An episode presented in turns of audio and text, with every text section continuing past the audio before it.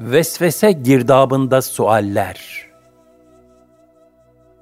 Allah beni yaratırken bana mı sordu gibi ahmakça hezeyanların ortaya atıldığını duyuyoruz. Cenab-ı Hak, sen bir hiçtin, seni ben yarattım buyuruyor. Bir hiç, sonsuz kudret karşısında ne ifade eder? Sonra hiç kusursuz olan yüce irade ve hükmün, tamamen kusurlu olan bir hiçe bir şey sorması ne kadar mantıklı? Hem bomboş hiçe ne sorulur? Vesvese girdabında sualler. İnternette ve medyada bir akademik araştırmadan kaynaklı olarak deizm ve ateizmle alakalı bir grup sual dolaşmaktadır. Bunlardan bazıları öteden beri kelam alimlerince cevaplandırılan, vesveseye kapılmış bir akla takılabilecek suallerdir. Fakat bazıları pek çocuksu ve tabiri caizse saçma sorulardır. Cevap verilmek için ciddiye alınmayacak lakırdılardır. Bu tarz iddiaları çürütmek için de olsa dile getirmek ve satırlara dökmek, mümin bir kalbe giran gelmektedir. Lakin zihni bulanmış olanlara hayırlı tebliğler, tefekküre hayat verici telkinler, zehirli şüphe ve vesveseleri giderici, tedavi edici izahlarda bulunmak çok lüzumlu vazifelerdir.'' Bunları bizzat aktarmanın yanında mecmua, kitap gibi yazılı yahut sesli ve görüntülü bir şekilde muhataplarına ulaştırmak günümüzde ne kadar mühim hizmetlerdir. Emri bil marufun şubeleridir. Devrimiz cahiliyenin çok kuvvetli olduğu hem inkar cereyanlarının hem de dalalet, sapık fikir cereyanlarının her tarafta neşredilmeye çalışıldığı bir devirdir. Bu sebeple bu suallerin bazılarına cevaplar verelim. Bunların mühim bir kısmı kader meselesiyle alakalı suallerdir.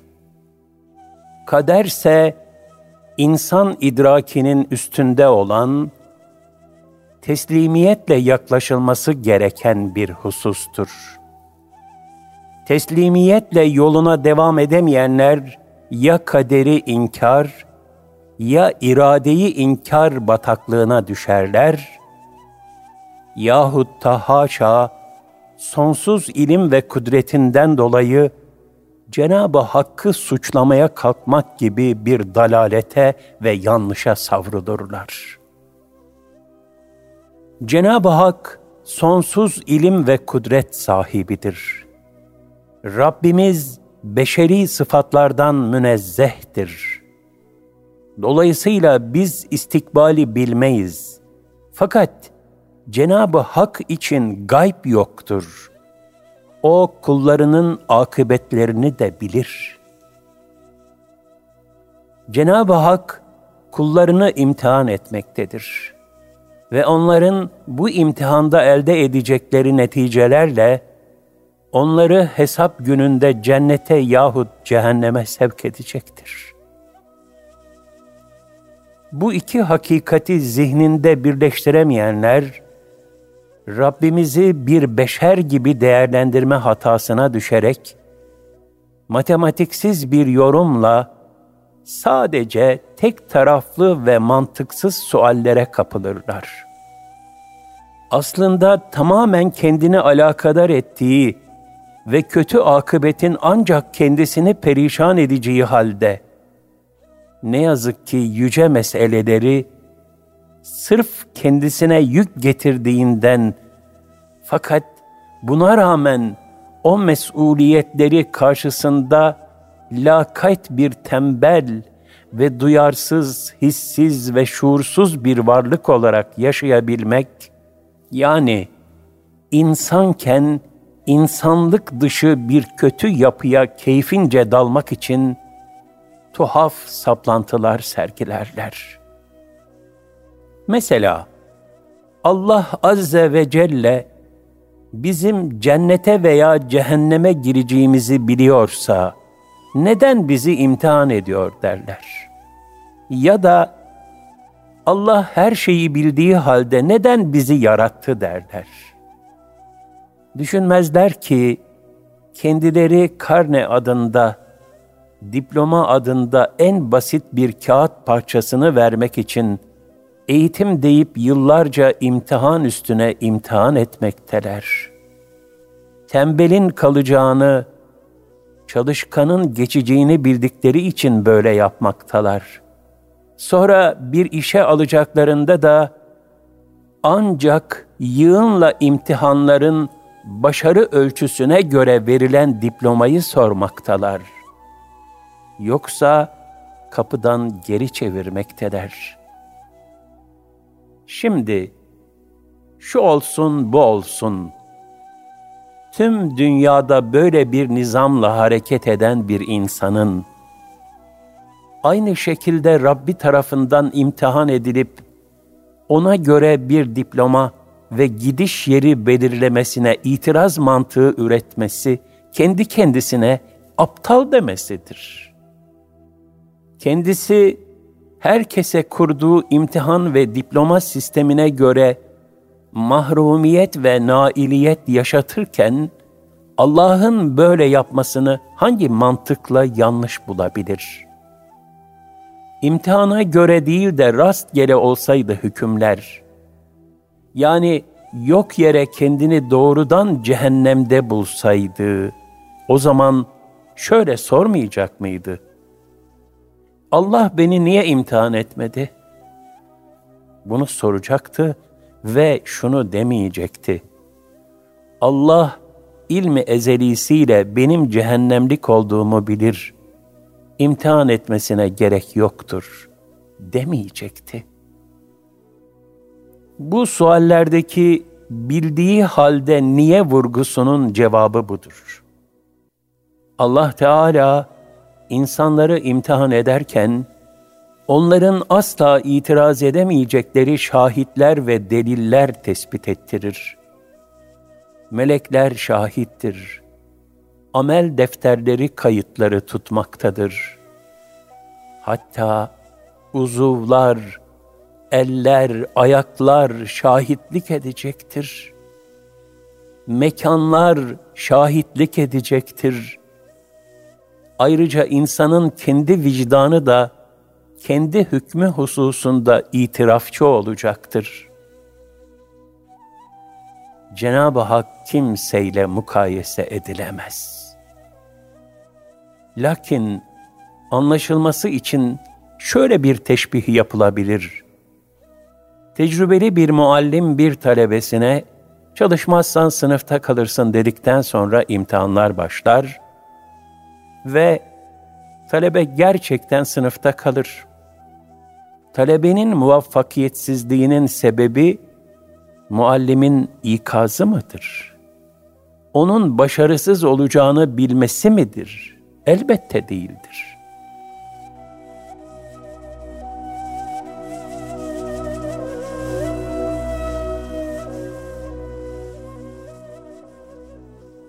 Bu sualler aslında Allah niye imtihan ediyor? Niçin kendisini inkar edenlere, emrini tutmayanlara azap ediyor diye sormak içindir. Bu hususta haddimizi bilmemiz gerekir. Zira Cenab-ı Hak faili mutlaktır. Dilediğini yapabilecek yegane güç ve kudret sahibidir.'' Malikül mülktür. Bütün kainat onun mülküdür. Faili muhtardır. Yani mülkünde dilediği gibi tasarruf eder. Kimsenin ona haşa hesap sormaya hakkı yoktur, haddi de değildir. Rabbimiz Azze ve Celle imtihan etmeyi murad etmiştir. Cenneti ucuz değildir, cehennemi de lüzumsuz değildir. Cenab-ı Hak bu imtihanda sonsuz merhamet sergilemiştir.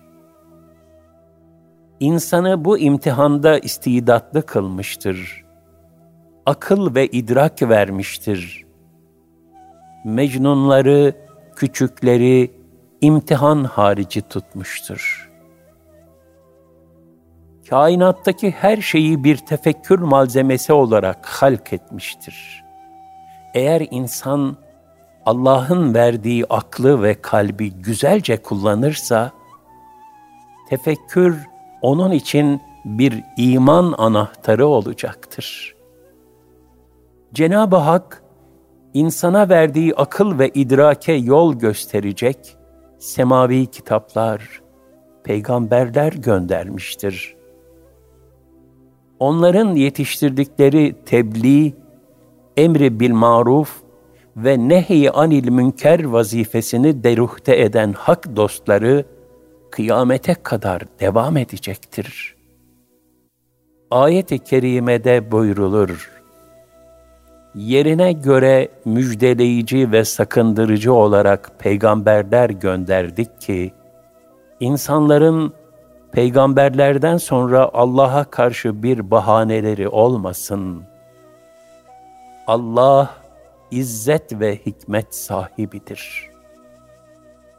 En-Nisa 165 Cenab-ı Hak, idrak etmeye yetecek ömür vermiştir.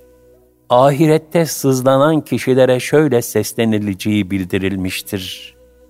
Sizi düşünüp öğüt alacak kimsenin, düşünüp öğüt alabileceği kadar yaşatmadık mı?'' size uyarıcı da, peygamber de gelmişti. Buna rağmen dinlemediniz. Öyleyse tadın azabı. Çünkü zalimler için hiçbir yardımcı yoktur.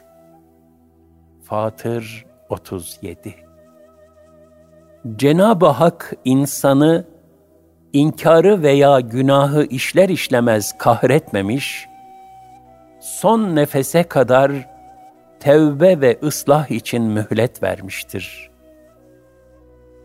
Günahların affı için birçok vesileler halk etmekte, şerleri ancak misliyle cezalandırmakta, salih amelleri ise en az on misliyle mükafatlandırmaktadır. Bütün bunlara rağmen cehennemlik olanlar sebebiyle Allah Teala'yı haşa itham etmek küstahlıktır, edepsizliktir, haddi aşmaktır. Müfessir Elmalılı Hamdi Efendi şöyle der, Cenab-ı Hakk'ın azabı mahzı adalet, mağfireti de mahzı fazlu ihsandır. Yani Rabbimiz azap ediyorsa bu zulüm değildir. Tamamen adalettir. Bağışlıyor ve cennet ihsan ediyorsa bu da kulun hak edişi değildir. Tamamen Rabbimizin cömertçe ikramıdır. Adalet, nimetlerin bedelini ödeyip ödememe hususundadır. Lütufta adalet aranamaz.'' Allah'ın bizleri var etmesi O'nun lütfundandır. Bizim hak etmemizden değildir. Lütfedense isterse verir, istemezse vermez. Dilediğine az, dilediğine çok ihsan edebilir. Hiç kimse ona bu hususta hesap sorma hakkına sahip olamaz. Kul ise daima her bakımdan hesapla muhataptır. Çünkü kendisine nimetler, mesuliyetler ve vazifeler verilmiştir. Bizler de bir bedel ödemediğimiz halde meccanen yani tamamen Allah'ın lütfuyla yoktan var edildik. Varlıklar içinde insan, insanlar içinde ümmeti Muhammed'den kılındık. Bir bedel ödemeden nail olduğumuz bütün bu nimetlere mukabil bedel ödeyerek ahirete intikal edeceğiz. Yani bu dünyada şükür borcumuzu ifa etme mesuliyetiyle yaşadıktan sonra Rabbimizin huzuruna çıkarılacağız. Orada dünya imtihanının karnesi mevkiinde olan amel defterlerimizi okuyacağız. Hayat kasetimizi seyredeceğiz.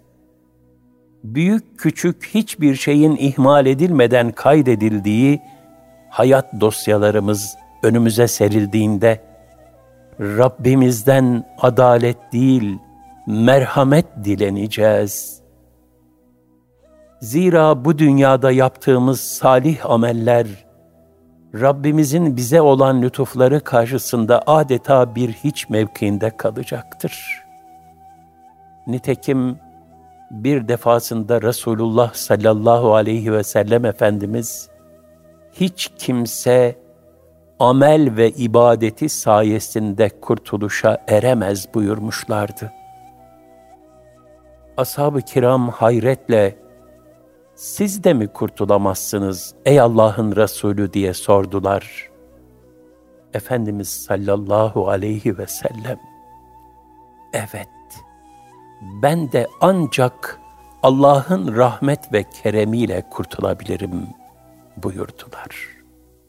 Hukukta menfaat ve zarar dengesi vardır. Bu imtihanın sonunda ebedi cennet gibi yüksek bir nimet vardır. Bütün ilahi yardımlara rağmen kaybedenlere ise ebedi hüsran olması adaletin ta kendisidir. İnsan fani bir mahluk olduğu halde Cenab-ı Hakk'ın emrine amade kıldığı yeryüzündeki diğer varlıklar üzerinde tasarruf ederken kendini serbest hisseder. Mesela insan koyunların, ineklerin, tavukların ve balıkların etinden, sütünden, yumurtasından istifade eder. Buna hakkım var mı diye sormaz.'' varlıklar arasında değerli ve değersiz ayrımı yapar. Değersiz bulduğunu çöpe atar, kıymetli bulduğunu saklar. Buna ne hakkım var demez. İşçi çalıştırır, ona emretmeye ne hakkım var demez. Parasını veriyorum ya der. Hal böyleyken, Cenab-ı Hakk'ın bizzat var ettiği, can verdiği, akıl, fikir, idrak ve ömür verdiği, peygamber ve kitap gönderdiği kullarından çürük çıkanları ve isyan edenleri azaba ayırmasına kim ne hakla itiraz edebilir? Az önceki suallere benzer bir takım mantıksız sualler de şöyle. Sual, Allah bizi seviyor da neden günah işlememize izin verip sonra bizi yakıyor? Sual, Allah kötülüklere neden engel olmaz? Sual, kaderde cennete ve cehenneme gideceğimiz belli ise neden ibadet ediyoruz? Yahu, beşeri sistemde bile bir imtihanda cevaplar imtihan edilene bağlıdır. Bir hoca bir talebeyi seviyor diye onun imtihanda yanlış cevap vermesine müdahale edip de cevabı kendi yazarsa, yaptığı kopya ve kayırmadan dolayı meslekten atılıyor. Fakat dürüst hocalık şartı nedir? sevdiğin talebe de olsa imtihanda müdahale etmemek. Yani bir talebeye imtihanda yanlış yapmasına izin verip sonra da sınıfta bırakmak hocanın sevgi veya sevgisizliğiyle değerlendirilmez. Bilakis böyle bir hoca hakkaniyetli ve mesleğine sadakatli diye takdir edilir. Kul için böyle de Allah için niye bunun tersi bir mantık? Olmaz. Sonra cennete ve cehenneme gideceklerin belli oluşu hususunda da bir takım kelime oyunları ancak akıl terazileri bozuk kimselerin işidir. Bu oyunlar doğru tartan hiçbir terazide geçmez.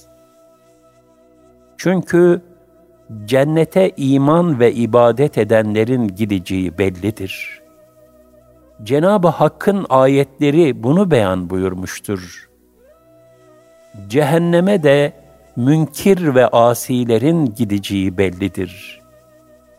Yani ne kadar imanlı, ibadetli, teslimiyetli ve rahmeti rahmana sığınmış da olsan, sen cehennemlik yazıldıysen, çaresiz cehenneme gideceksin diye bir hükmü ilahi yoktur.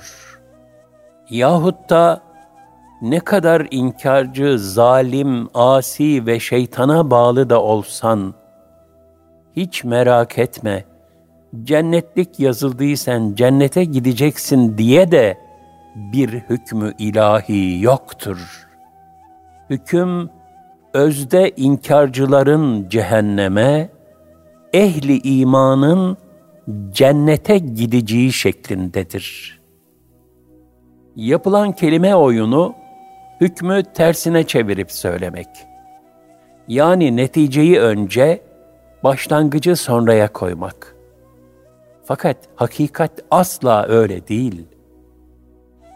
Cehennemlik yazılan kimse, güzel amelleri boşuna niye yapsın mantığı yanlış, böyle bir gerçek yok. Asıl hakikat şu, son nefese kadar bir imtihan süresi var. Ve bu sürede doğru bir iman, salih ameller, teslimiyet ve rahmeti rahmanla dolu bir hayata cehennem yazılmayacak. Cenab-ı Hak, Kur'an-ı Kerim'de böyle bir hayat için cehennemliktir diye bir tane cümle dahi ifade buyurmamıştır. Peki kurulan bu kabil cümleler kimin? Tertemiz bir sütün çıktığı memeden geri sokulamayacağı gerçeğini bilmeyen, kasıtlı gafillerin ve cahillerin. Bu da gösteriyor ki, doğru bir formülü olmayacak şekilde tersine kullanmak, hakikat için değil sadece ifsat içindir.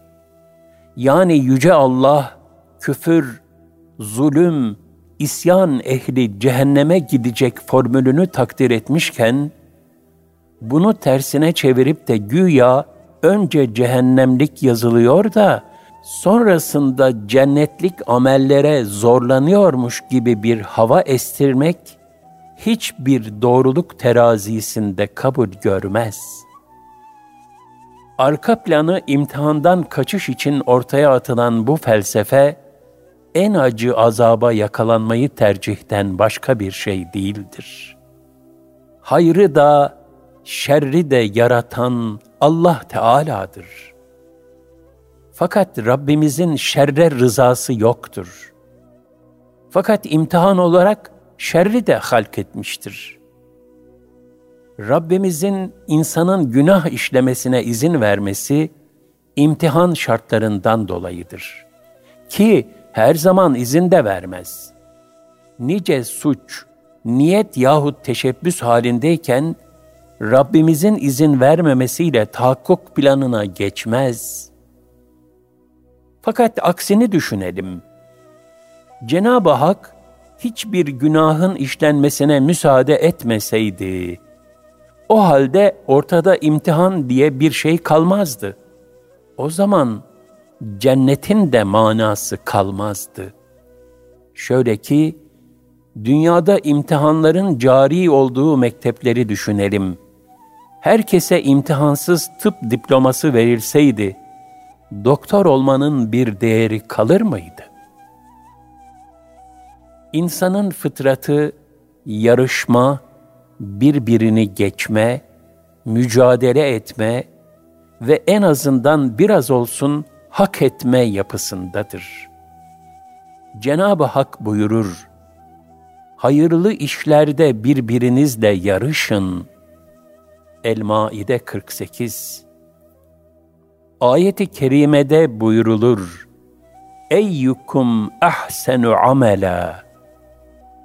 O ki hanginizin daha güzel davranacağını imtihan etmek için ölümü ve hayatı yaratmıştır. El-Mülk 2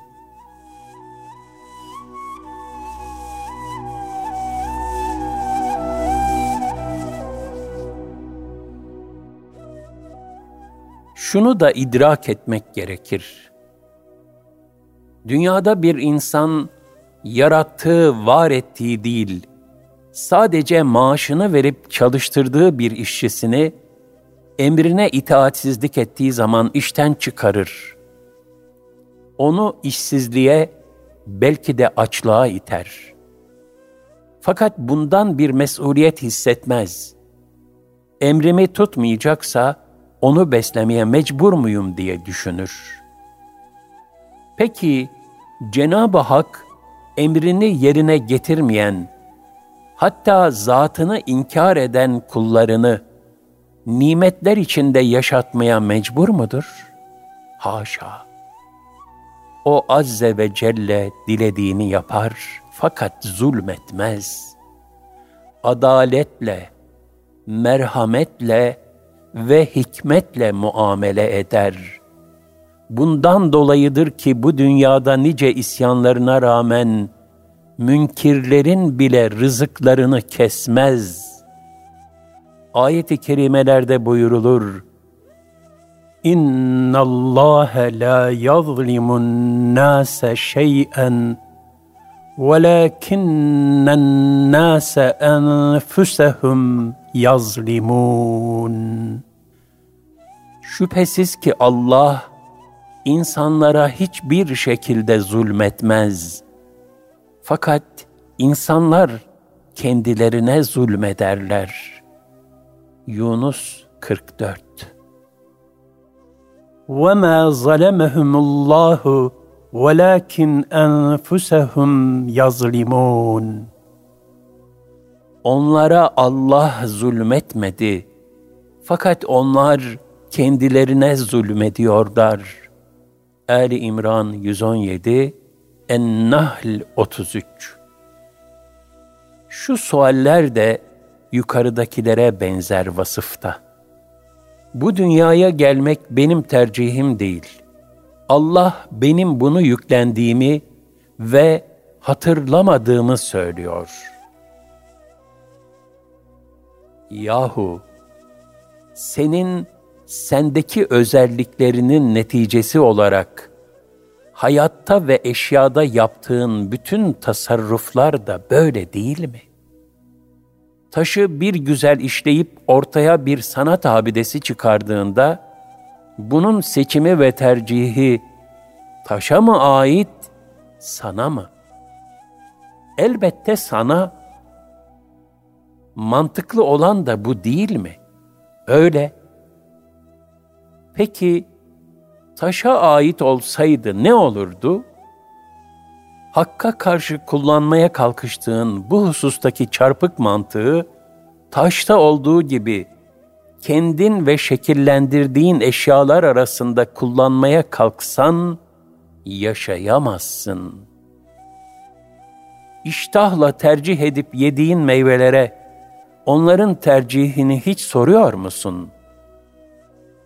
yine senin tercih edip iştahla yediğin etlere, balıklara ve lokmalara, onların tercihini hiç sordun mu? İstediğin gibi yonttuğun taşlara, hiç bunu tercih edip etmediklerini sormayı düşündün mü? Ayrıca o taşlar senin sanatını kendileri yüklenmiş olmuyor mu? Oluyor. Onlarda gösterdiğin mahareti sergilemeye bir kağıt parçası veya teneke parçası müsait mi? Değil. Yüklenmek bunu yapabilmeye müsaitlikle orantılıdır. Değilse yanlış olur. Mesela kavak ağacından koca bir binanın ana direği yapılmaz. O bunu yüklenemez. Çat diye kırılıp devridir. Çünkü yapısı buna müsait değildir. Dolayısıyla üstlenememiştir. Fakat kestane ağacı bunu yüklenir ve asırlarca yük taşır. Çünkü yapısı buna müsait yaratılmıştır, o da bunu üstlenmiştir. İşte insanın ilahi emaneti yüklenmesi de bu kabil bir hakikattir. Bütün varlıkların taşıyamayacağı hakikati, insan taşıyabilir yaratıldığından, tabii olarak bu kendisine yüklenmiş ve insan da üstlenmiştir. Hal böyleyken, benim tercihim değil ifadesinde bir kibir vardır. Aynı zamanda bir mantık hatası vardır. İnsan var olmadıkça tercihi sorulamaz. Var olduğunda yani yaratıldığında ise artık sorulacak bir şey kalmamış demektir. Zaten yukarıda da nispeten ifade edildiği gibi her eser kendi kendinin değil, sanatkarının tercihi olmak mecburiyetindedir. İnsan araba yapar. Bu icraat o nesnenin tercihi değildir. Yapan ustanın maharetidir. Kimse de buna itiraz etmez. Bilakis hayran kalır. istifade eder sadece. Yine insan koltuk ve kanepe yapar. Rahat rahat kullanır. Fakat bu ağacın bir tercihi değildir. Sanatkarının ustalığıdır. Hal böyleyken insan Allah'a sorduğunu zannettiği bu uyduruk mantığı kendi yaptıkları hakkında devreye soksa ne bir alet yapabilir ne bir bina dikebilirdi. Böyle bir sual şartı hayatı felç ederdi. Çünkü kendi kendine hiçbir maddenin kendi tercihiyle ayakkabı, ev, araba ve uçak olmaya tercihi yoktur. Hepsi de insanın tercihidir. Yani dünya imtihanında yalnızca iki ihtimal vardı. Ya yokluk ya imtihana tabi olmak. İmtihandan kaçış yok. Hem var olayım hem de imtihan olmasın temennisi boş bir hayaldir. Üstelik var olmak bir nimettir.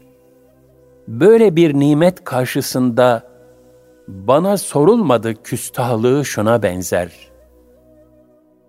Bir yangın esnasında telaşla yangının mahallini boşaltan kişiler, uyuyan birini görüp uyandırıyorlar. O ise nankör bir şekilde diyor ki, benim uyanmak isteyip istemediğimi bana sordunuz mu da uyandırıyorsunuz? E, sorulsa zaten uyandırılmış olurdu. Üstelik yanıp gitmeyi kim ister ki? Yok olmayı, var olmamayı kim ister ki?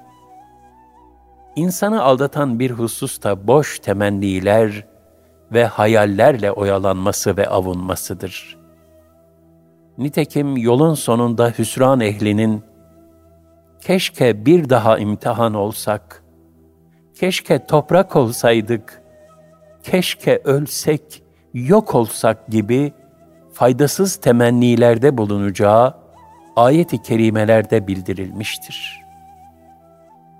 Rabbinin ihsanı olan insan olma şerefiyle yaşamak, ona kul olup varlığın tacı olmak ve sonsuz ihsanlara erişmek dururken, böylesi temenniler de altını çizdiğimiz kaçışın ifadelerinden başka bir şey değildir.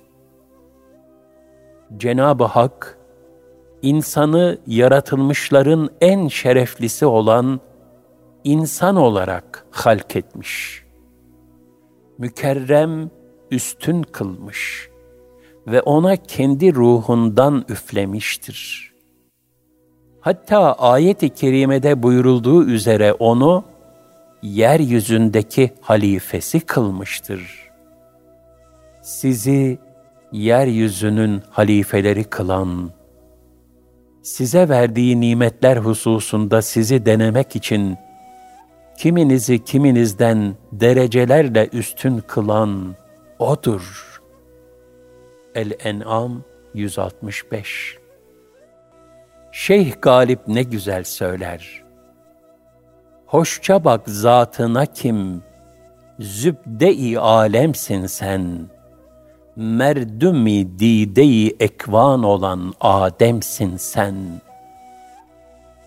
Ey insan, kendine gönül gözüyle hoşça bir bak ki, sen alemin, yani yaratılanların özüsün ve kainatın göz bebeği olan Adem'sin, insansın.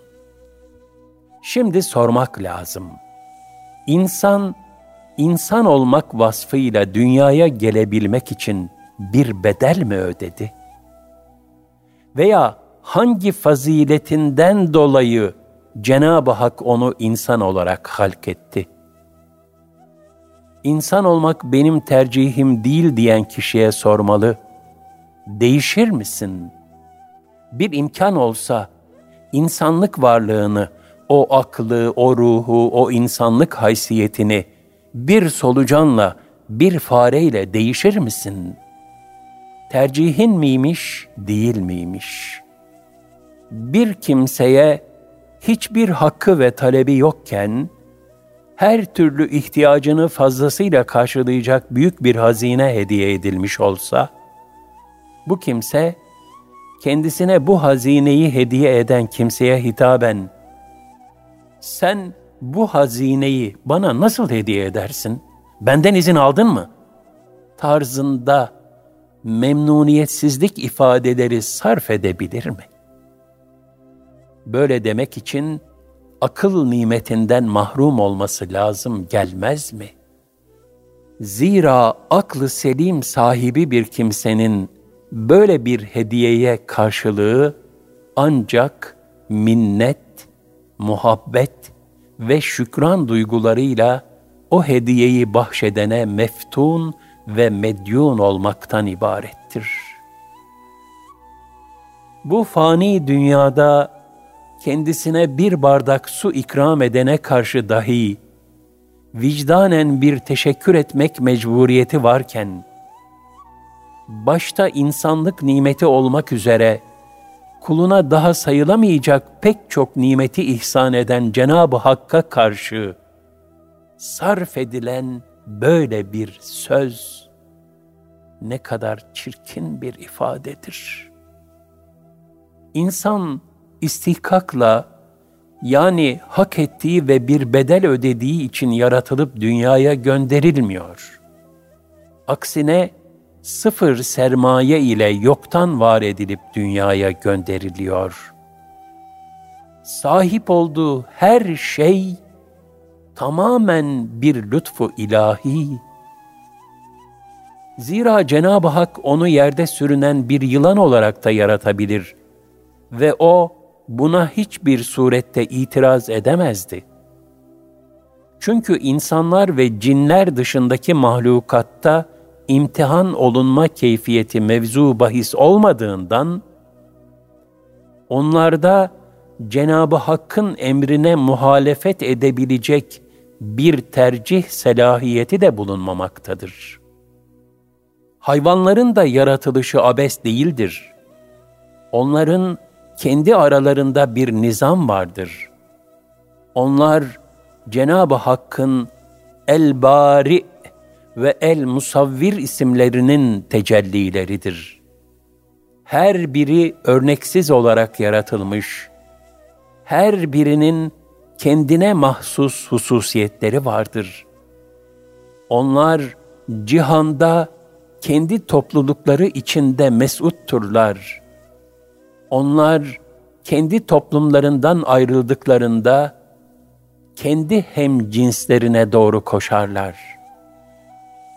Bu da Cenab-ı Hakk'ın ayrı bir kudret tecellisidir ki, her hayvana kendi toplumunu sevdirmiştir.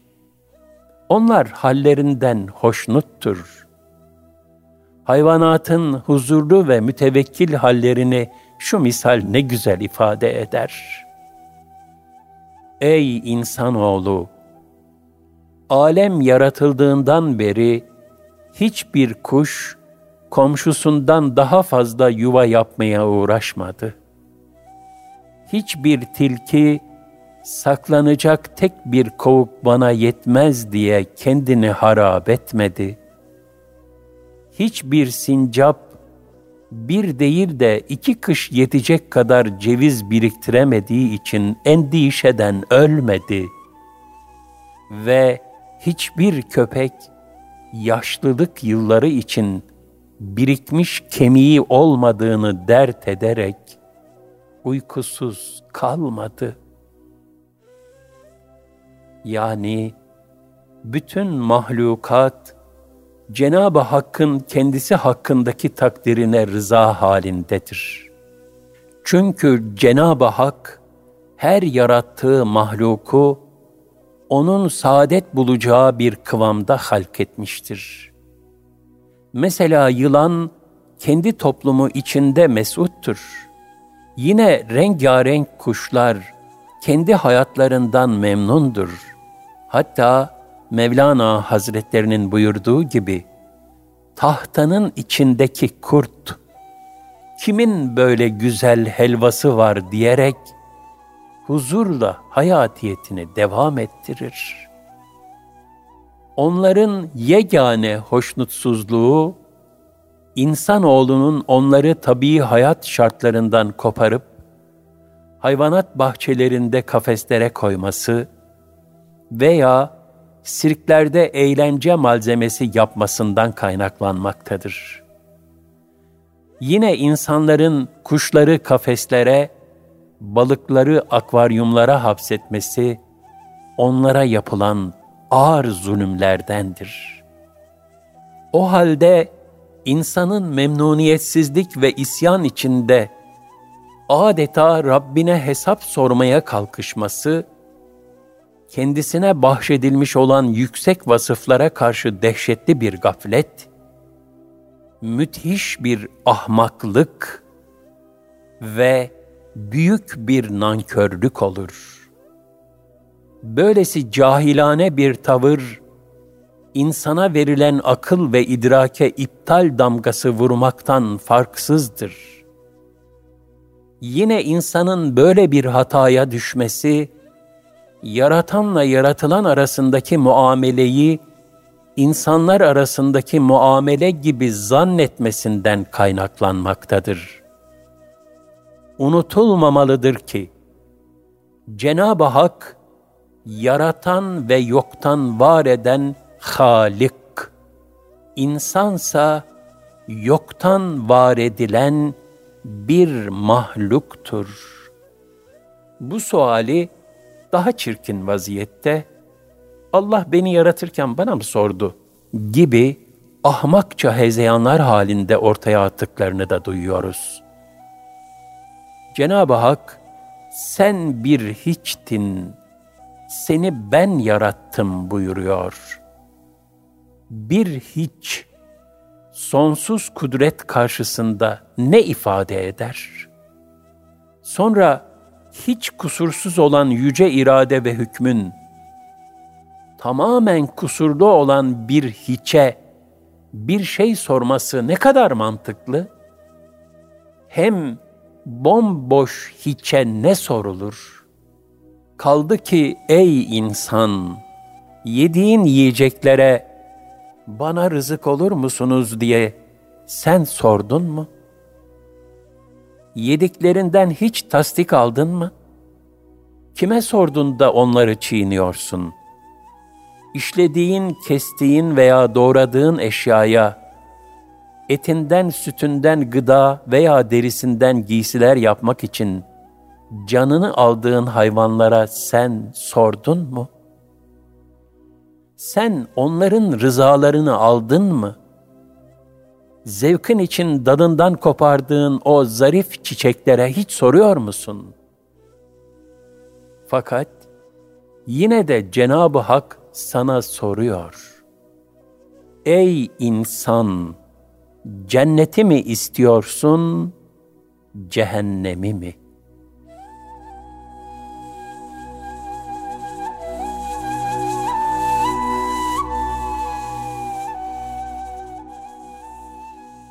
Senin iradene bırakıyor.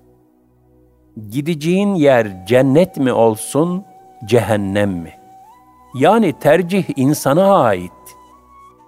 Allah kitap gönderiyor, soruyor. Ey insan! Cenneti mi istiyorsun, cehennemi mi? Peygamberler vesilesiyle soruyor.'' Ey insan! Cenneti mi istiyorsun, cehennemi mi? Sonra da buyuruyor ki, ister şükredici ol, istersen nankör ol. Ey gafil ve cahil! Sen yüce Allah'ın sana bıraktığı bu tercih hakkını görmeyip de yaratırken bana sormadı diye boşu boşuna cehaletle kırdıları savuruyorsun. Hayret! Allah'ın yarattığı şu emanet alemde her türlü tasarruf senin için hak da, onları da seni de yaratan Allah için mi haşa hak değil? Bu ne küstahlıktır. Bu ne nankörlüktür unutma ki sana bu cihanda tasarruf salahiyetini de Rabbin verdi. Ayet-i kerimede buyurulur. O göklerde ve yerde ne varsa hepsini kendi katından bir lütuf olarak size amade kılmıştır. Elbette bunda düşünen bir toplum için ibretler vardır. El-Casiye 13 unutma, Allah'ın sana ihtiyacı yok. O, lütfen ve keremen seni sadece terbiye etmek ve böylece senin insani sıfatını yüceltmek, yani seni faziletli bir kul haline getirerek cennetlerinde ağırlamak istiyor. Şu ayeti tekrar tekrar okumalısın.'' Ey insan! Seni şekilsizlikten çıkarıp en güzel şekilde yaratan, ihsanı bol Rabbine karşı seni aldatan nedir? El-İnfitar 6 8 Aldanış dolu bütün lakırdılar, cahillik ve hikmetsizliğin eseridir.'' Bu ahmakça lafları söyleyenlere gerçekten sorulsaydı, yokluğu mu seçeceklerdi? Yoksa o cennetlere mi talip olacaklardı? Bu hususta tefekkür ettirici bir sual de biz soralım. Niçin Allah kullarına sormak zorunda olsun? Nazari, teorik olarak bile böyle bir mecburiyet yoktur. Şöyle ki, trafiğe çıkanlar otomatik olarak trafik kaidelerini kabul ediyorlar. Bir ülkede doğan vatandaşlar otomatik olarak o ülkenin kanunlarına tabi oluyorlar. Hayata gelen insanlar da hayatın kaidelerine karşı çıkamıyor, mecburen teslim oluyorlar. Ateş niçin yakıyor? Soğuk niçin donduruyor diye fizik kanunlarını sorgulamak hakkını kendilerinde bulamıyorlar. Onları kabul edilmesi mecburi olan esaslar olarak benimsiyorlar. Fakat iş insanca hayatın manevi şartı olan imtihana gelince saçma sapan bir gaflet felsefesi olarak bu lakırdılara sığınıyorlar.'' unutmamalı. İnsan ancak bildikçe sükuta bürünür. Ancak marifeti arttıkça hiçlikteki idraki artar. İdraksizler de kendi kötülüklerini örtbas etmek için sordukları Allah kalplerini mühürlediği insanları niçin cehennemle cezalandırıyor gibi suallerin girdabında boğulur. Yahu kul mühürletmedikçe yüce Allah kendi yarattığı bir kulunun kalbini mühürler mi? İşe yaramaz hale gelmemiş bir şeyi kimse çöpe döker mi? Kalbi mühürlü kimse her şeyden önce acaba ne yapıp da mühürlendiğine bakmalı. Şu prensibi unutmamalı. Allah sonsuz rahmet ve hikmet sahibidir. Kullarına zulmetmez. Abes, manasız ve gayesiz bir iş de yapmaz. Dolayısıyla Cenab-ı Hak bir kulunun kalbini mühürlüyorsa, bunun sebebi hikmeti vardır. Biz bunu bilmesek de nitekim Rabbimiz Kur'an'da La yehdi Allah şu vasıftaki kişilere hidayet vermez ayetleriyle sebeplerin bir kısmını bize bildirmiştir. Dolayısıyla nankörlük, zulüm, fıskı fücur ve yalancılık gibi kötü özelliklere ısrarla devam edenlerin kalpleri mühürlenmektedir. Yine Cenab-ı Hak sevdiği ve sevmediği vasıfları zikretmiştir. Buna göre Rabbinin sevmediği vasıflarda ısrar edenlerin hidayetten mahrumiyetlerine şaşırmamak ve bunu haşa bir zulüm olarak görmemek gerekir. Görüleceği gibi buraya kadar gelen suallerin hepsi varlık sebebimiz olan imtihanı sorgulamaya çalışıyor. Onda bir mantık hatası aramaya çalışıyor. Halbuki hakikat apaçık ortada dolambaçlı keçi yollarına sapmanın hiç yeri yoktur. Üstelik böyle vesveseler üretti diye insan imtihandan kurtulacak da değildir. Ayet-i kerimede buyurulur.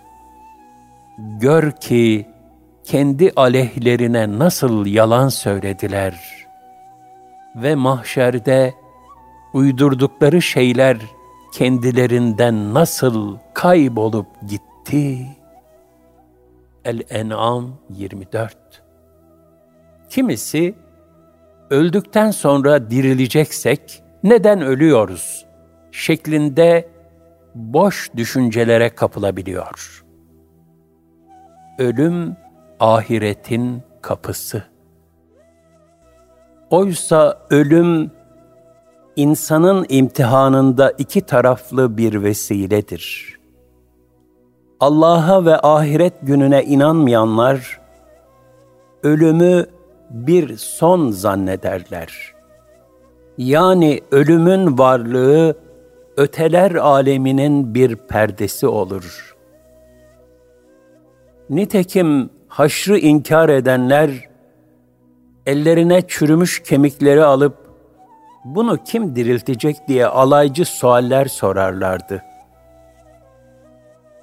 Düşünmezlerdi ki onu ilk kez yaratan kimse o diriltecek.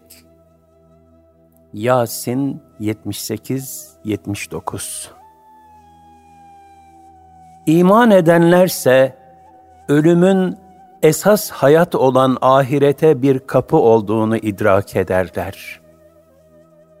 Ölümü tefekkür ederek bu fani hayatın aldatıcı tuzaklarına kapılmazlar. Bu cihanı bir istasyon kabul edip onda oyalanmazlar. Ölüm faniliğin ilanı olduğu için aslında hayat ve ömür gibi bir nimettir. Mülk suresinde buyurulur. O ki hanginizin daha güzel davranacağını sınamak için ölümü ve hayatı yaratmıştır. O mutlak galiptir, çok bağışlayıcıdır. El-Mülk 2 Hazreti Mevlana buyurur, Oğul, herkesin ölümü kendi rengindedir. İnsanı Allah'a kavuşturduğunu düşünmeden ölümden nefret edenlere ve ölüme düşman olanlara, ölüm korkunç bir düşman gibi görünür. Ölüme dost olanların karşısına da dost gibi çıkar.'' Ey ölümden korkup kaçan can! İşin aslını, sözün doğrusunu istersen, sen aslında ölümden korkmuyorsun. Sen kendinden, günahlarından korkuyorsun. Çünkü ölüm aynasında görüp ürktüğün, korktuğun, ölümün çehresi değil.'' Kendi çirkin yüzündür. Senin ruhun bir ağaca benzer. Ölümse o ağacın yaprağıdır. Her yaprak ağacın cinsine göredir. Eğer bu imtihanda ölüm olmasaydı, kıyamete kadar doğan herkes yaşamaya devam edecek olsaydı, imtihan çok daha ağır olurdu. Halbuki yaşlanmak, orta yaşlardan sonra güç ve kuvvetin azalmaya başlaması ve sonunda ölmek, bu cihanın fani olduğunu, esas hayatın ahiret olduğunu anlatan birer ipucudur. Elbette görene ve idrak edene. Yasin-i Şerif'te buyurulur, kime uzun ömür verirsek, biz onun gelişmesini tersine çeviririz. Hiç akıl erdirmiyorlar mı? Bu fani akış, bu yolculuk nereye? Yasin 68 Ölüm vardır ki insan acziyetini idrak etsin.'' Cenab-ı Hak Vaka suresinde bir ölünün başındaki kişilere şöyle seslenir. Hele can boğaza dayandığı zaman o vakit siz bakar durursunuz.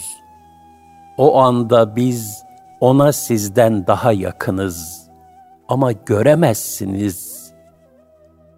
Madem ki inkardaki iddianıza göre ceza görmeyecekmişsiniz, onu canı geri çevirsenize, şayet iddianızda doğru iseniz. El-Vaka 83-87 Ölüm vardır ki, insan yeniden dirilişten sonraki ebedi hayatın, Cenab-ı Hakk'ın iradesiyle gerçekleştiğini iyice anlasın. ölüm inkıtağı olmasa, insanlar biz zaten ebedi varlıklarız diye düşünürlerdi. İhtiras içinde de adeta birbirlerini yerlerdi.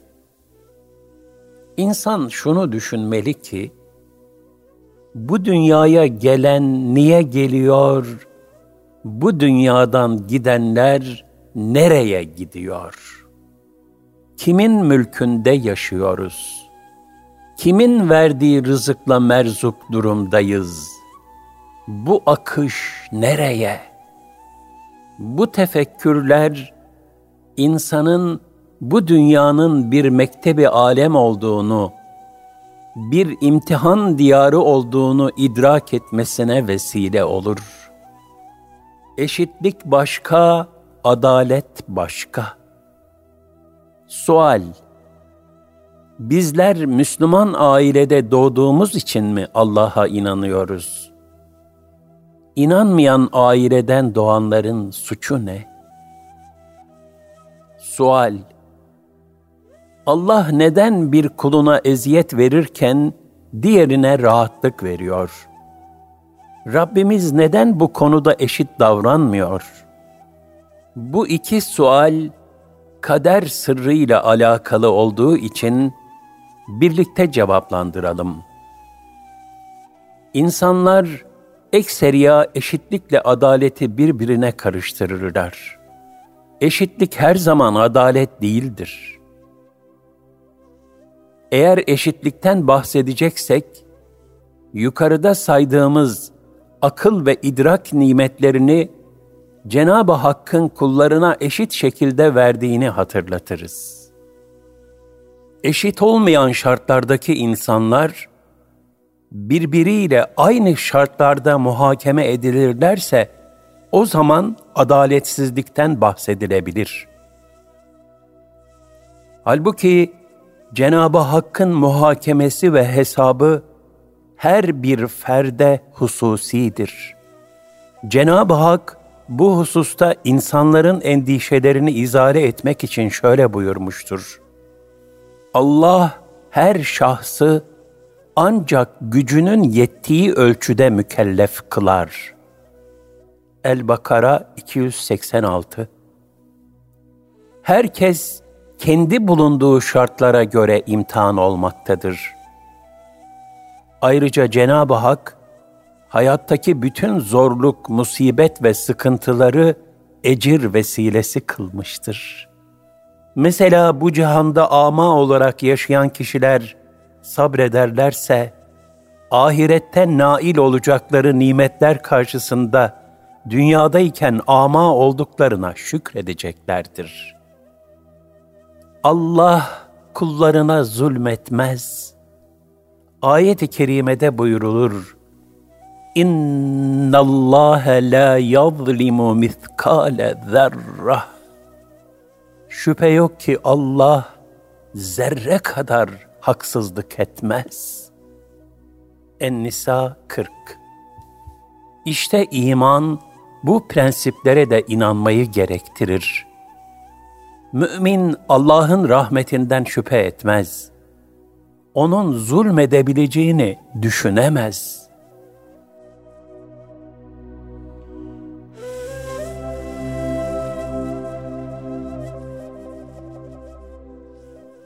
İslam dininin mutlak hakikat olmadığını iddia etmek için bazı kişiler yukarıdaki sualde yer alan zihniyeti istismar etmektedir.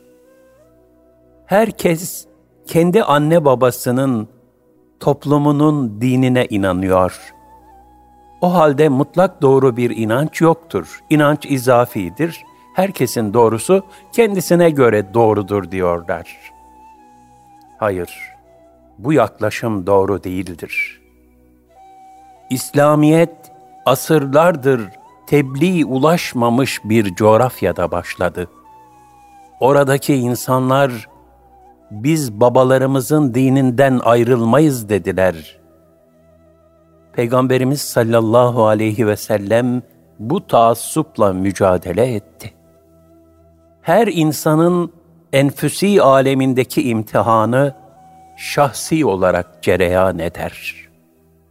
Nice cami gölgesinde yetişmiş insan maalesef imanını kaybeder veya fısku fücura dalarken İslam'dan fersah fersah uzak diyarlarda doğup yetişen nice insanlara hidayet nasip olmaktadır. İman kaderi bir sırrı ilahidir. Peygamberimize yıllarca kol kanat geren Ebu Talib'e iman nasip olmazken, Hazreti Hamza'yı katlettirip ciğerini dişleyen Hind'e iman nasip olmuştur. Bu nasiplerin hikmet tarafını bilmiyoruz. Zira bizim aklımız mahduttur, sınırlıdır.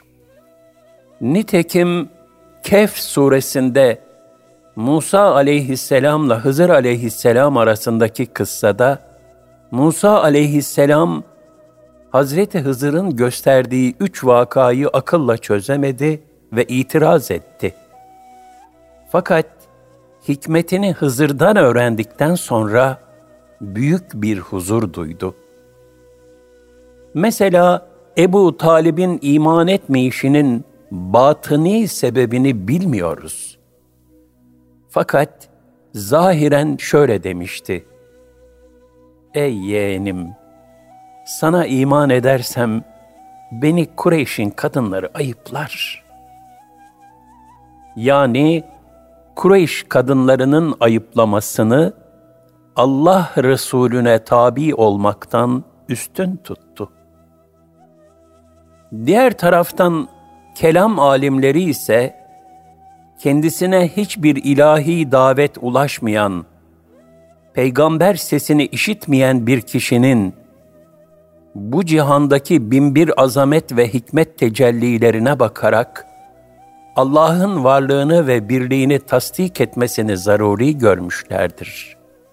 Şu da unutulmamalıdır ki Cenabı Hakk'ın rahmeti de gazabı da küçük bir şeyle tecelli edebilir. Bunun hikmetini anlamak bizim idrakimizi aşar. Bir başka sual veya vesvese şöyle. Sual, sonsuzluk kavramı akıl almaz bir şey. Allah'ın sonsuz olmasını algılayamıyorum. İnsan sınırlıdır.'' İnsanın idrakini de bir karınca anlayamaz. Okyanus bir bardağa sığar mı? Bırakın sonsuzluğu anlamayı, şu yaratılmış cihanı da anlamaktan aciziz. Makro alemlerdeki sayıları telaffuz edecek kelimelerimiz yok. Trilyon kere trilyon deyip kalıyoruz.'' Mikro alemde de idrakimiz tıkanıyor ve tükeniyor. İdrak edemediğimiz şeye yok diyemeyiz. Birçok zeka, matematiğin birçok sahasını anlamaz. O anlamıyor diye o mesele ortadan kalkmaz. Aciziz. Öyleyse hakkın karşısında hiçliğimizi müdrik olalım.'' Ayrıca şunu ifade edelim. Dinimiz alem şumul olduğu ve zayıf, kuvvetli her idraki hedeflediği için zihinleri zorlayacak derin nazari vazifeler vermemiştir. İman ve ibadet vazifelerimiz teslimiyetle yaklaşıldığında herkes tarafından gerçekleştirilebilecek kadar kolay ve fıtridir zaten Cenab-ı Hak zatının tefekkür edilmesini emretmemekte. Hatta hadis-i şerifler bu sahadan sakındırmaktadır. Hadis-i şerifte buyrulur. Allah'ın yarattıkları üzerinde tefekkür edin. Yani sıfat tecellileri, ilahi azamet akışları ve kudret nakışları üzerinde Cenab-ı Hakk'ın varlığını ve azametini tefekkür edin. zatı üzerinde düşünmeyin. Zira siz onun kadrini, kıymetini ve azametini ona layık bir surette asla takdir edemezsiniz. Bizler Rabbimizin sıfatlarını, sonsuz azamet ve kudret akışlarını tefekkür ederiz ve bunlar da bize iman anahtarı olur. Bir bardağa bir okyanusu sığdırmak mümkün müdür? Dolduğu anda taşmaya başlayacaktır. Basit bir misal olarak bir ilk mektep talebesine üniversite kitapları verilmez. Kulun Allah'ı idrak etmeye kalkması bundan da imkansız bir şeydir. Hudutlu bir varlık, hudutsuz bir varlığı kamil manada anlayamaz. Ayet-i kerimede buyrulur, eğer gerçekten yeryüzündeki ağaçlar kalem olsa, denizde mürekkep olup arkasından yedi deniz daha ona eklense, Allah'ın kelimeleri yazılmakla tükenmez. Muhakkak ki Allah azizdir, hakimdir. Lokman 27 Sual Kaderde ne zaman öleceğimiz belli ise neden sadaka ömrü uzatıyor? Cenab-ı Hakk'ın bu cihan dershanesindeki oluşları takdirlerine kader diyoruz. Cenab-ı Hakk'ı idrak edemediğimiz için onun ilmine öncelik, sonralık gibi bizi bağlayan zaman kayıtlarıyla yaklaşmamamız gerekir. Mesela kaderimiz bellidir fakat ibadet ediyoruz. Kaderimiz bellidir ama dua ediyoruz sadaka da veriyoruz. Çünkü bizim tarafımızda bilgi yok. Eğer dua eder, sadaka verirsek, gaybı bilen Rabbimiz bunu da biliyor. Ve zaten kaderimizde dua edip sadaka vereceğimiz de yazılı demektir. Eğer Rabbimiz bizim kaderimizi ve cüz'i irademizle aldığımız kararları, amellerimizi, davranışlarımızı bilmeseydi, bu onun için haşa bir noksan olurdu ki, Cenab-ı Hak her türlü noksanlıktan münezzehtir. Gaybı, istikbali bilmemek, insanlara ait bir husustur.'' Cenab-ı Hakk'ı böyle bir bilgisizlikten tenzih ederiz. Kader münakaşalarının kimseye bir faydası yoktur. Tarihte nice akılcılar bu tartışmaların neticesinde ya kaderi inkar etmiş ya iradeyi reddetmiştir. İkisi de hakikatten uzak neticelerdir. Biz bize sorulacak hususları dert edinelim. Bize kıyamet gününde kaderi çözdün mü diye sorulmayacak. Bize ömrünü nerede tükettin? İlminle ne gibi işler yaptın? Malını nereden kazanıp nerede harcadın? Vücudunu nerede yıprattın diye sorulacak.'' Şu sual de cahilane ve ilahi kudreti tefekkürden mahrum bir sorudur. Sual Allah'ın ihtiyacı yokken bizi niçin test etmekte?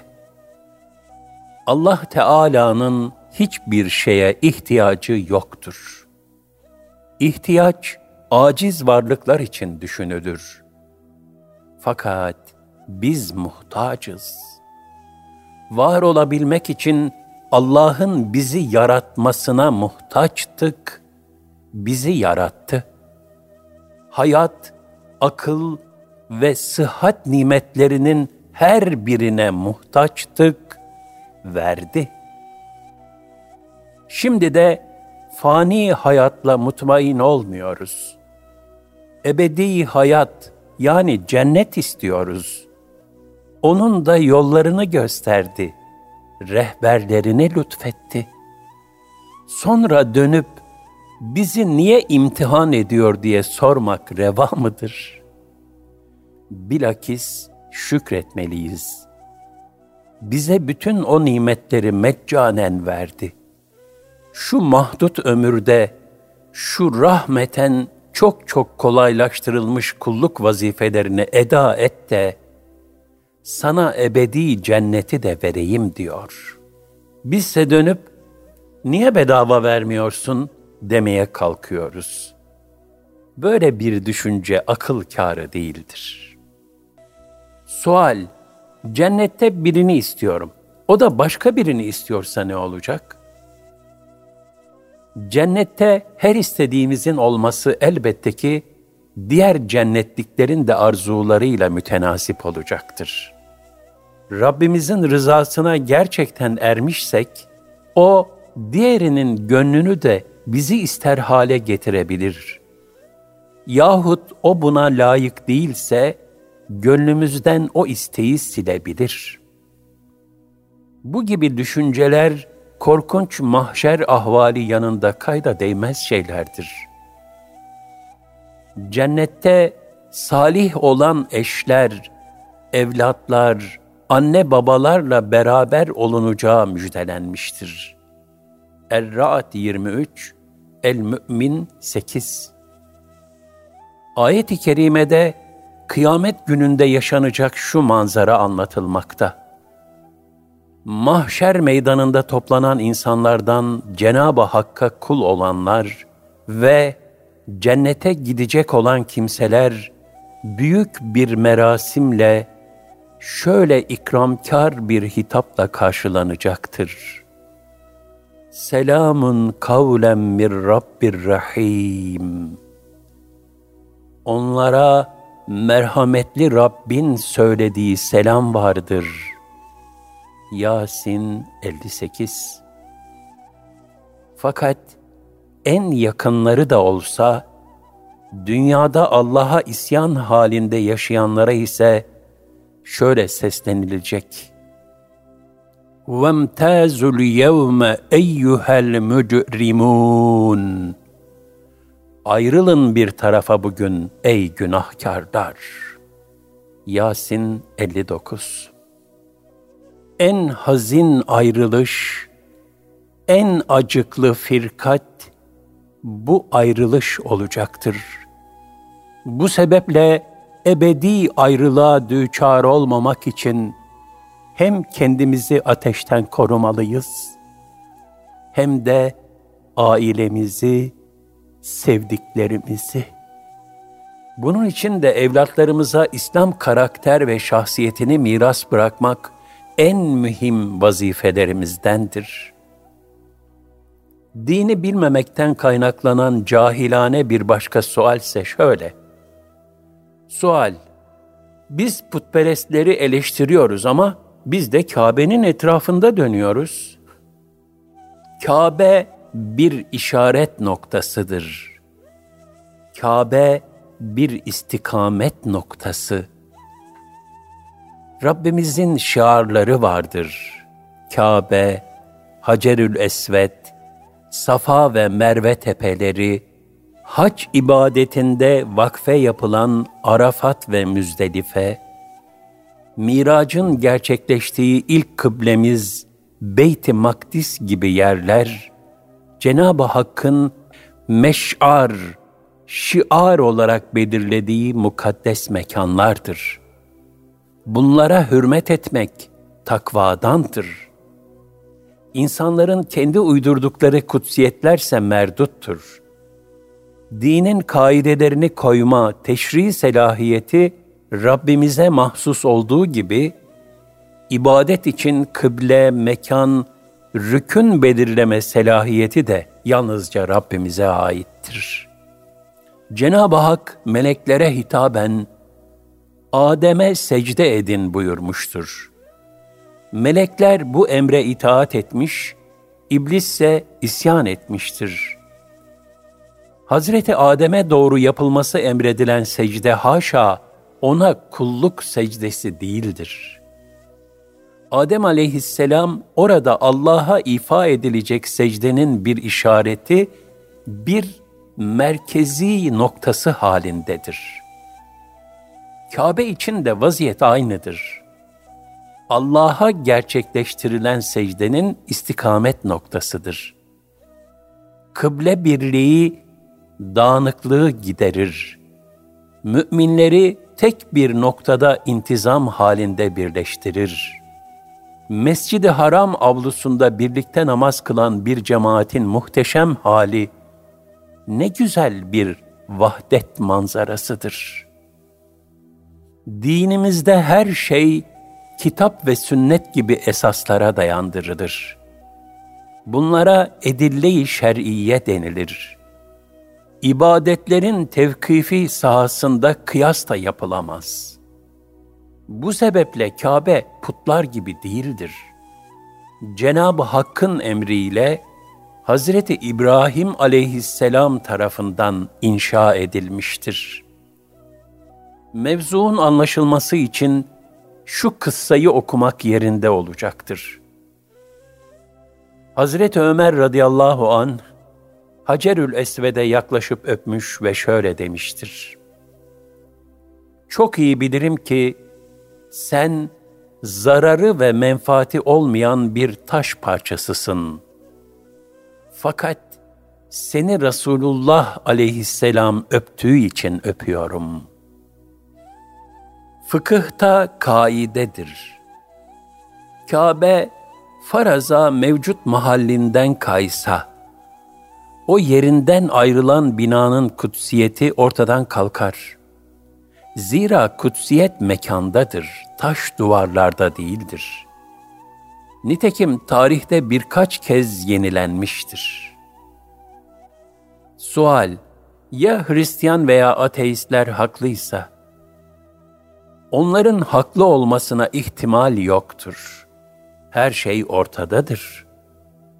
Hristiyanlığın nasıl beşer mahsulü bir din haline geldiğini evvelki sayfalarımızda anlattık. Ateizmin nasıl bir körlük ve hamakat olduğunu da ifade ettik. Bunlara rağmen ya haklıysa gibi bir düşünce yersizdir. Fakat burada şunu zikredelim. Dehri yani ateist, ahireti inkar eden bir şahıs, Hazreti Ali radıyallahu anha, bu dünyada boş yere yorulup duruyorsunuz, ya cennet cehennem yoksa der. Hazreti Ali radıyallahu anh'ın cevabı şöyle olur. Sizin dediğiniz doğruysa ben bir şey kaybedecek değilim. Zaten İslam'ın emirleri güzel bir insan olmanın icaplarıdır. Fakat ya benim dediğim doğruysa ve cennet varsa siz ne kaybedeceğinizin farkında mısınız?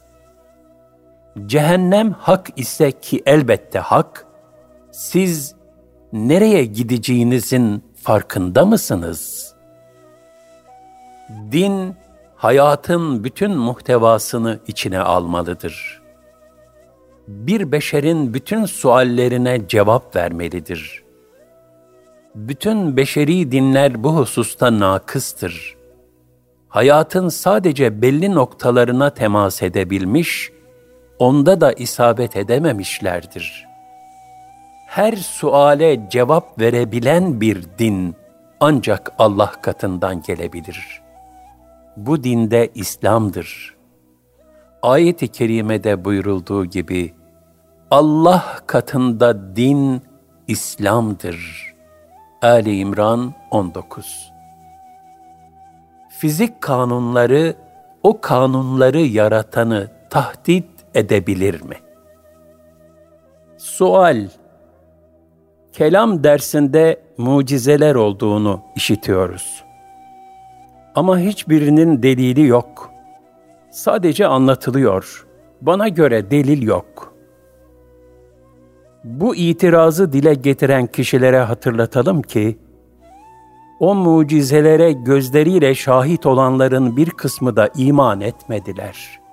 Sihirdir, illüzyondur, gözümüzü boyadın deyip geçtiler. inanmadılar. Şüphesinde menfi olan kişilerin mucizeyi kabulde zorlanması, zihninin kainatta cari olan kanunları mutlak ve zaruri kabul etmesinden kaynaklanır. Halbuki düşünseler, o kaideleri de Cenab-ı Hakk'ın koyduğunu bilirler.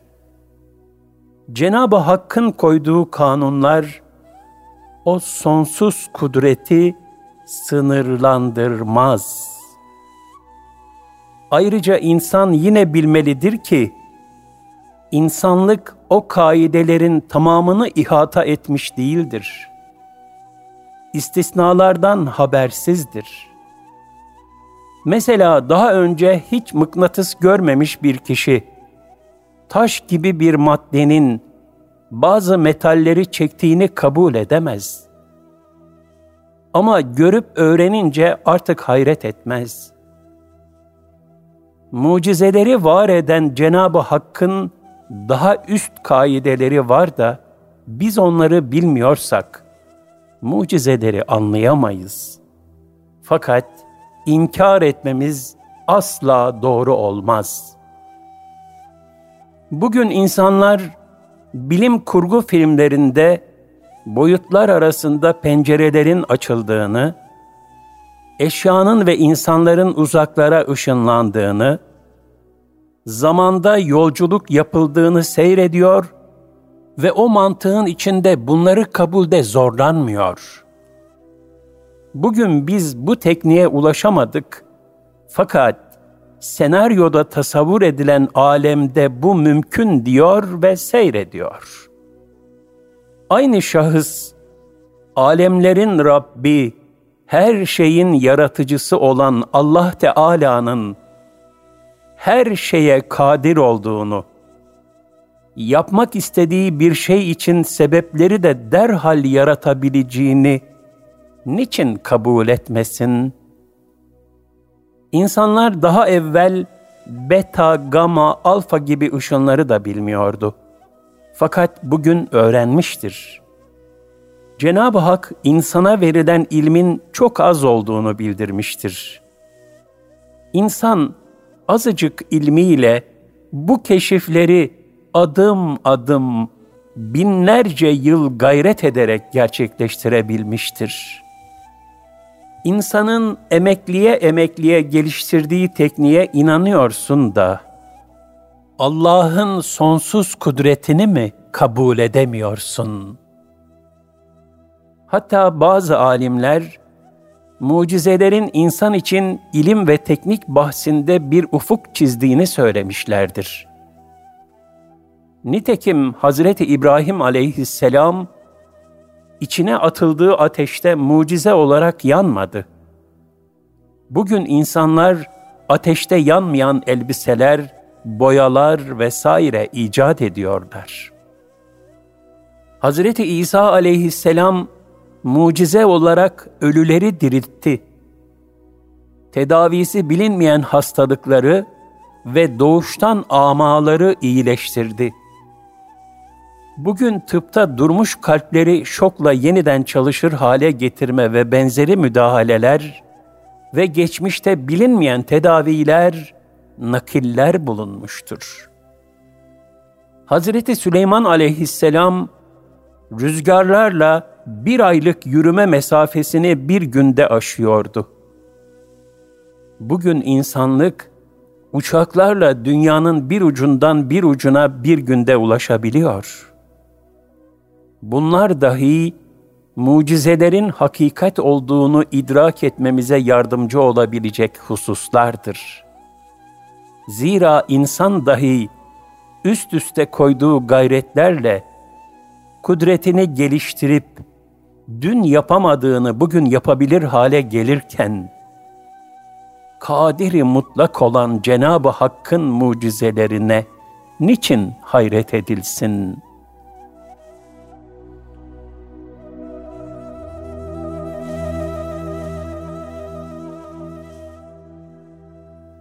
Sual Allah niçin önceki kitapların bozulmasına izin vermiştir? Cenab-ı Hak, Kur'an'ı kıyamete kadar korumayı taahhüt etmiştir. Çünkü ondan sonra bir daha kitap inmeyecektir. Önceki dinlerde ise sürekli peygamber ve vahiy tazeleniyordu. Zira insanların ihtiyaçları ve toplumun yapısı değişe değişe gelmekteydi. 124 bin küsur peygamberin her biri akaid sabit olmak üzere gönderildikleri toplumun hususiyetlerine göre şeriatlerle gelmişlerdir. Suhal İçki öncekilere yavaş yavaş yasaklanırken bizlere neden direkt haram kılındı? Tedricilik vahiy inerken gerçekleşti. Sonunda din ikmal oldu. Elbette ikmal olandan geriye dönülmez. Bu keyfi bir davranış olur. Fakat eğitimde bu tedricilik esası yine devam eder.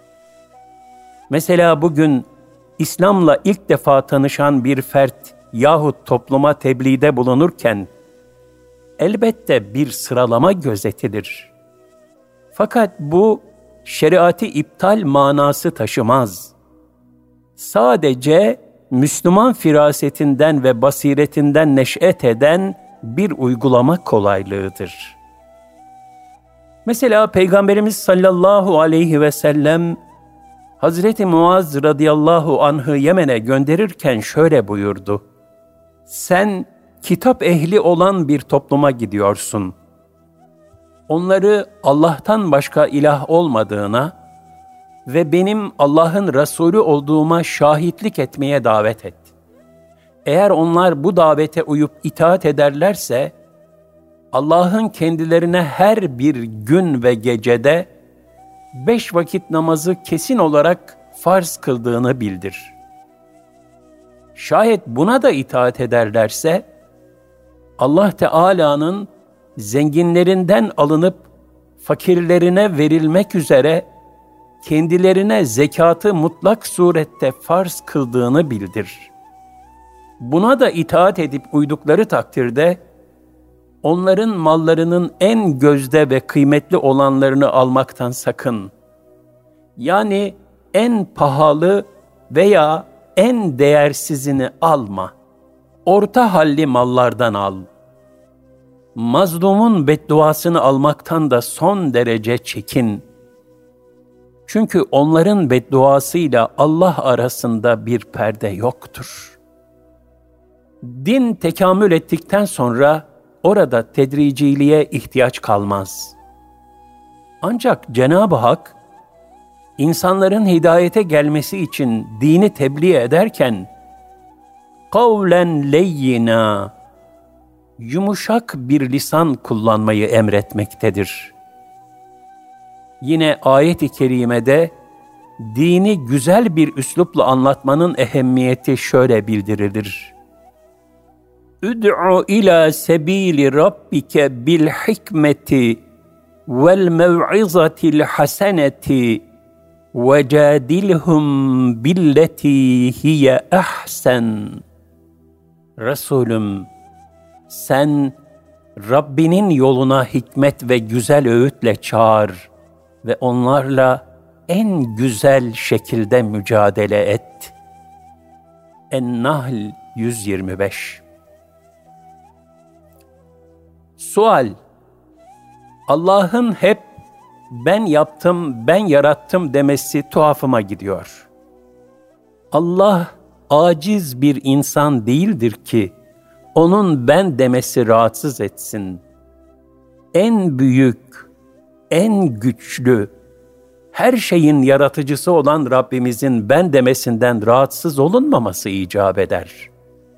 Ayetlerde geçen ben ve biz ifadeleri ayrı ayrı azamet ifade ederler. Sual Kur'an'da kadın ve erkek niçin eşit değil? İslamiyet'te erkek ve kadın devrimizin anladığı manada eşitlik lakırdıları içinde değil, adalet dengesi içindedir. Kadının şerefi İslam'da, Cenab-ı Hak huzurunda kadın ve erkek müsavidirler. Kadınla erkek iman, ibadet, mesuliyet hususlarında Cenab-ı Hakk'ın huzurunda tamamen eşittir. Erkek de kadın da iman etmekle, namaz kılıp oruç tutmakla, zekat verip hacca gitmekle mükelleftir. Şu ayeti kerimeler bu eşitliği iyice perçinler. Erkek olsun, kadın olsun, her kimde mümin olarak salih ameller yaparsa, işte onlar cennete girerler ve zerre kadar haksızlığa uğratılmazlar. En-Nisa 124 Müslüman erkekler ve Müslüman kadınlar, mümin erkekler ve mümin kadınlar, taate devam eden erkekler ve taate devam eden kadınlar, sadık yani doğru erkekler ve sadık kadınlar, sabreden erkekler ve sabreden kadınlar, mütevazı erkekler ve mütebazı kadınlar, sadaka veren erkekler ve sadaka veren kadınlar, oruç tutan erkekler ve oruç tutan kadınlar, ırzlarını koruyan erkekler ve ırzlarını koruyan kadınlar, Allah'ı çok zikreden erkekler ve zikreden kadınlar var ya, işte Allah bunlar için bir mağfiret ve büyük bir mükafat hazırlamıştır. El-Ahzab 35 İslamiyet'in haricindeki birçok dinde kadın ikinci sınıf görülür, kötülüğün kaynağı addolunur. İslam'da ise saliha kadın dünyanın en kıymetli nimetleri arasında sayılır. Cennetin saliha annelerin ayakları altında olduğu bildirilir. Fakat kadın ve erkek yaratılışta ve fıtratta eşit değildir. Birbirlerini tamamlar vaziyettedir. Vücut ve hissiyat bakımından da eşit değildirler. Bu sebeple erkek ve kadın arasında içtimai olarak fıtrata uygun bir vazife bölüşümü vardır.'' İslam da fıtri bir din olduğu için hilkatte var olan bu fiziki ve hissi farklılığı erkek ve kadının hak ve vazifelerine yansıtmıştır. Hadis-i şerifte buyrulur, hepiniz çobansınız ve hepiniz sürünüzden mesulsünüz. İmam yani her türlü idareci, çobandır ve sürüsünden mesuldür. Erkek ailesinin çobanıdır ve sürüsünden mesuldür. Kadın kocasının evinde çobandır, o da sürüsünden mesuldür. Hizmetçi efendisinin malından sorumludur ve sürüsünden mesuldür.'' Devrimizdeki modern dünyada ise kadın erkekle eşitlik propagandasıyla kaldırımlara itilmekte ve istismar edilmektedir. Kadın, insanın neşvü nema bulacağı mukaddes aile müessesesinin hanım ve anne tarafını üstlenecektir. Bu sebeple akli, mantıki olmaktan ziyade hissidir. İslamiyet bu sebeple kadını haya, iffet ve tesettür gibi hikmetlerle muhafaza eder. Onu aile mahfazası içinde korur. Kadın erkek eşitliği mevzu edildiğinde, batının maskeli ve yaldızlı yüzünü değil, gerçek suretini görmelidir.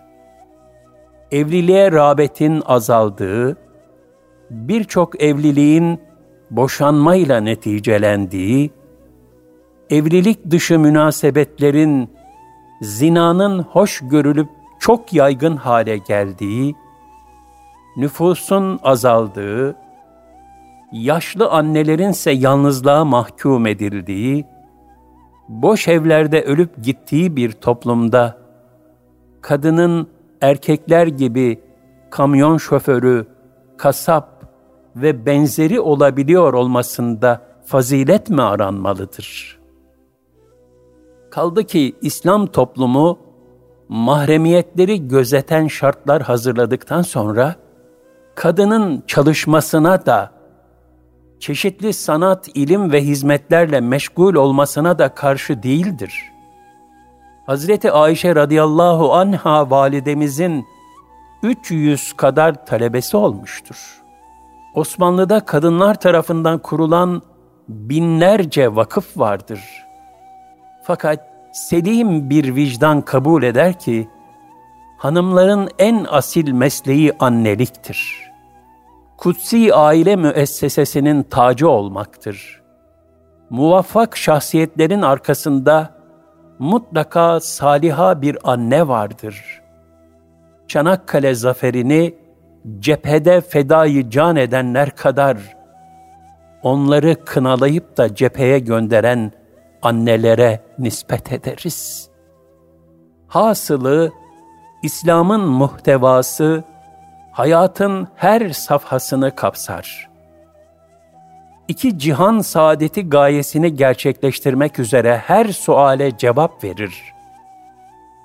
Bu cevaplar manzumesi içinde asla tezat bulundurmaz. Sistemli ve muntazamdır. Mükemmelin de en mükemmelidir. Zülcenaheyn'dir. Yani hem dünyada hem ahirette müntesibine saadet hazırlar ve bunu gerçekleştirir. İslam'ın muhtevasında akaid, ahkam, muamelat, içtimai nizam ve güzel ahlak vardır. İslam, kainatın ve insanın yaratılış gayesini idrak etmemizi sağlar. Kundakla kefen arasındaki hayatın bütün muhtevasını, her köşesini tanzim eder. Hatta aldığımız nefese, attığımız adıma kadar. Cenab-ı Hak yaşamayı ve yaşatmayı nasip eylesin.'' Cenab-ı Hak akıllarımızı ve gönüllerimizi vahyin terbiyesiyle olgunlaştırarak nefs ve şeytanın hile ve desiselerine kapılmaktan cümlemizi muhafaza buyursun. His ve fikirlerimizi daima rızasıyla telif eylesin. Biz aciz kullarını lütfen ve keremen ilahi affına, rahmet ve mağfiretine mazhar kılsın. Amin.